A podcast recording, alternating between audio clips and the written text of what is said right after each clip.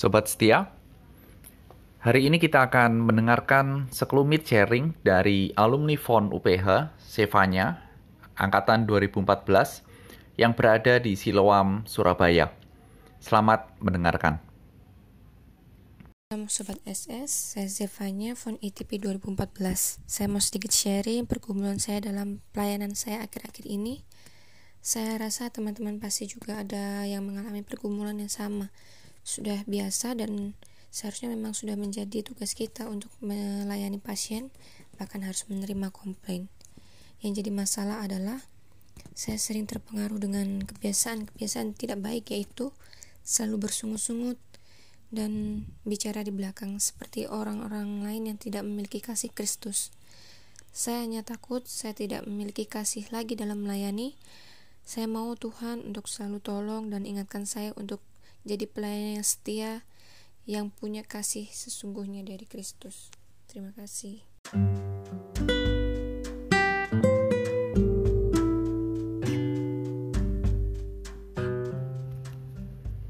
Kita doakan yang menjadi pergumulan dan tantangan dalam dunia kerja seperti yang disharingkan oleh Sevanya. Dan saya yakin bahwa ini juga menjadi tantangan di dalam semua alumni FON yang bekerja di Siloam di mana pun mereka berada. Tuhan kiranya menolong dan menjadikan kalian semua berkat.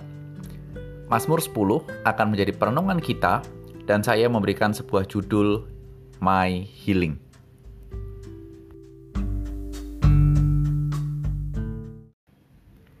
Mazmur 10 Mengapa engkau berdiri jauh-jauh, ya Tuhan, dan menyembunyikan dirimu dalam waktu-waktu kesesakan? Karena orang congkak, orang karena congkak orang fasik giat memburu orang yang tertindas, mereka terjebak dalam tipu daya yang mereka rancangkan. Karena orang fasik memuji-muji keinginan hatinya dan orang yang loba mengutuki dan menista Tuhan. Kata orang fasik itu dengan batang hidungnya ke atas, Allah tidak akan menuntut. Tidak ada Allah. Itulah seluruh pikirannya. Tindakan-tindakannya selalu berhasil, hukum-hukummu tinggi sekali tinggi sekali jauh dari dia. Ia menganggap remeh semua lawannya. Ia berkata dalam hatinya, Aku tak akan goyang, aku tidak akan ditimpa malapetaka turun-temurun. Mulutnya penuh dengan sumpah serapah, dengan tipu dan penindasan, di lidahnya ada kelaliman dan kejahatan. Ia duduk menghadang di kubuk-kubuk di tempat yang tersembunyi, ia membunuh orang yang tak bersalah. Matanya mengintip orang yang lemah, ia mengendap di tempat tersembunyi seperti singa di dalam semak-semak. Ia mengendap untuk menangkap orang yang tertindas. Ia menangkap orang yang tertindas itu dengan menariknya ke dalam jaringnya. Ia membungkuk dan meniarap, lalu orang-orang lemah jatuh ke dalam cakarnya yang kuat. Ia berkata dalam hatinya, Allah melupakannya. Ia menyembunyikan wajahnya dan tidak akan melihat untuk seterusnya. Bangkitlah, Tuhan, ya Allah, ulurkanlah tanganmu, janganlah lupa akan orang-orang yang tertindas Mengapa orang fasik menista Allah sambil berkata dalam hatinya, "Engkau tidak menuntut"? Engkau memang melihatnya, sebab engkaulah yang melihat kesusahan dan sakit hati, supaya engkau mengambilnya ke dalam tanganmu sendiri. Kepadamulah orang lemah menyerahkan diri, untuk anak yatim engkau menjadi penolong.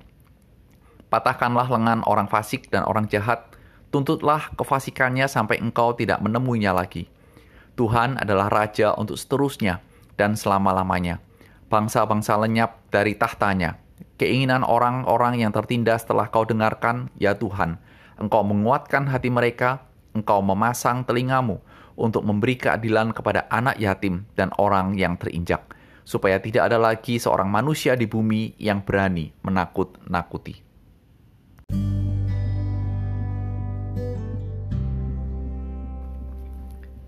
Mari kita berdoa.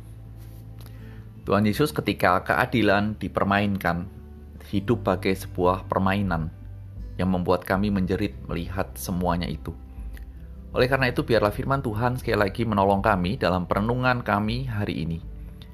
Demi Kristus, amin. Sobat setia, sebelum saya menguraikan, hari ini SS Podcast terbit atau meluncur pada atau publish pada siang hari karena berbagai macam uh, hal yang harus saya lakukan di pagi hari. Dan mari kita merenungkan.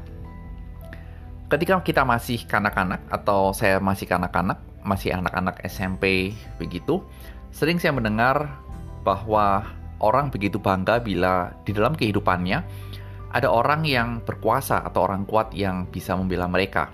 Istilah yang saya kenal adalah punya backing, begitu ya, punya backingan. Misalnya ketika seseorang berselisih, kemudian ada orang yang membawa-bawa nama dari teman kakaknya atau saudaranya yang jago bela diri untuk entah menakut-nakuti atau menghadapi lawan yang sesungguhnya. Dan ketika lawan mengetahui bahwa orang itu ya nama yang disebut dari orang itu dikenal dan memang benar-benar jago begitu, maka lawannya bisa mundur alias jiper.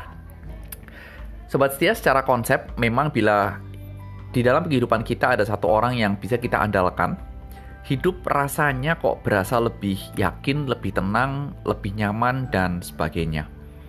Sehingga sering kali dalam kehidupan kita kita mencari sosok atau pribadi siapa yang bisa benar-benar menjadi sebuah andalan kita. Nah, sehingga ini menjadi sebuah perenungan bagi kita. Nah, setelah Mazmur 9 ketika kita belajar bahwa pengharapan kita harus diletakkan hanya dalam Kristus, maka Mazmur 10 mengajarkan kepada kita satu hal yang baru, bahwa seharusnya yang menjadi andalan kita, kartu truf kita, healing kita adalah Tuhan dan bukan yang lain. Mungkin kita berpikir benar dan mungkin kita yakin akan hal itu. Tapi mungkin kita juga berpikir apakah itu tidak salah. Kenapa kita berpikir seperti seperti itu? Karena coba lihat secara fenomena bahwa di dalam ayat 1 pun ditegaskan karena ayat 1 dibuka dengan sebuah kalimat yang menandakan bahwa Tuhan berdiri jauh. Tuhan menyembunyikan wajahnya di tengah-tengah kecongkakan dan kejahatan yang yang dilakukan oleh orang fasik. Hal ini biasanya langsung memberikan sebuah pemahaman kepada kita Bukankah Tuhan yang adil, Tuhan yang suci seharusnya tidak bisa membiarkan hal-hal seperti itu terjadi? Biasanya begitu. Dan bukankah seharusnya ketika melihat hal itu Tuhan bertindak? Tidak bisa dong, Tuhan hanya diam, tanda kutip membiarkan orang-orang fasik melakukan kejahatan dan hidup semena-mena, bahkan dikatakan sampai berani mengatakan dan menantang Allah. Ini bahasa saya kurang ajar banget begitu ya. Dan benar-benar serta dalam hidup mereka menggantikan keberadaan Allah. Allah dianggapnya tidak ada. Ini bentuk kehidupan yang sangat sombong dari orang fasik. Kalau ada orang seperti itu, kita sebagai anak Tuhan aja gerah. Kita gergetan terhadap orang-orang seperti itu. Tapi ayat 1 dikatakan Tuhan cuek. Bahasa anak sekarang OMG kira-kira begitu.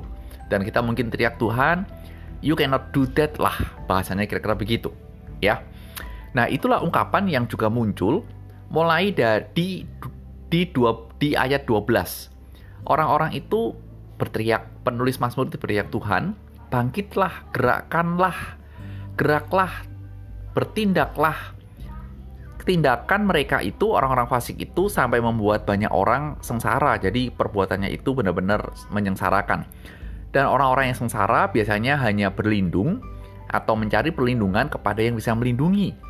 Mencari kekuatan. Siapa yang kuat untuk bisa menjaga hidupnya. Bisa menguatkan hidup mereka. Dan kira-kira bahasa saya sederhananya begini. Siapa yang sering kali di dalam kehidupan kita yang terpojok, terhimpit, masih mencari Tuhan. Di detik-detik terakhir masih mencari Tuhan. Itu good gitu ya. Meskipun terakhir tetap good. Tapi pertanyaannya adalah, mengapa cari Tuhan dan bukan yang lain?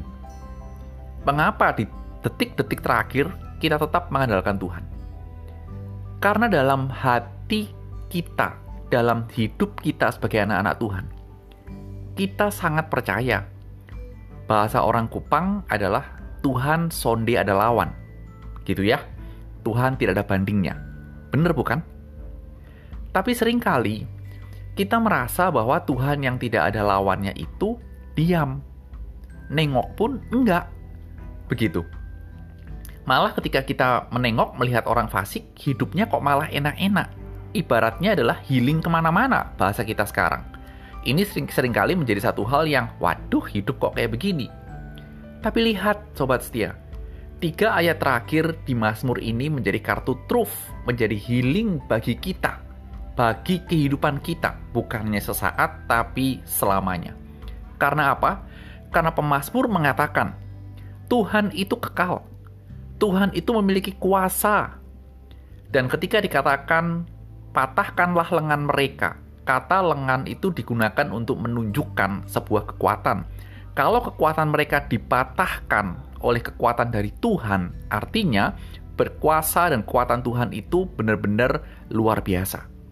Dan itulah sebabnya kita mengetahui bahwa kartu truf kita dalam menghadapi kehidupan dalam dunia ini adalah Tuhan.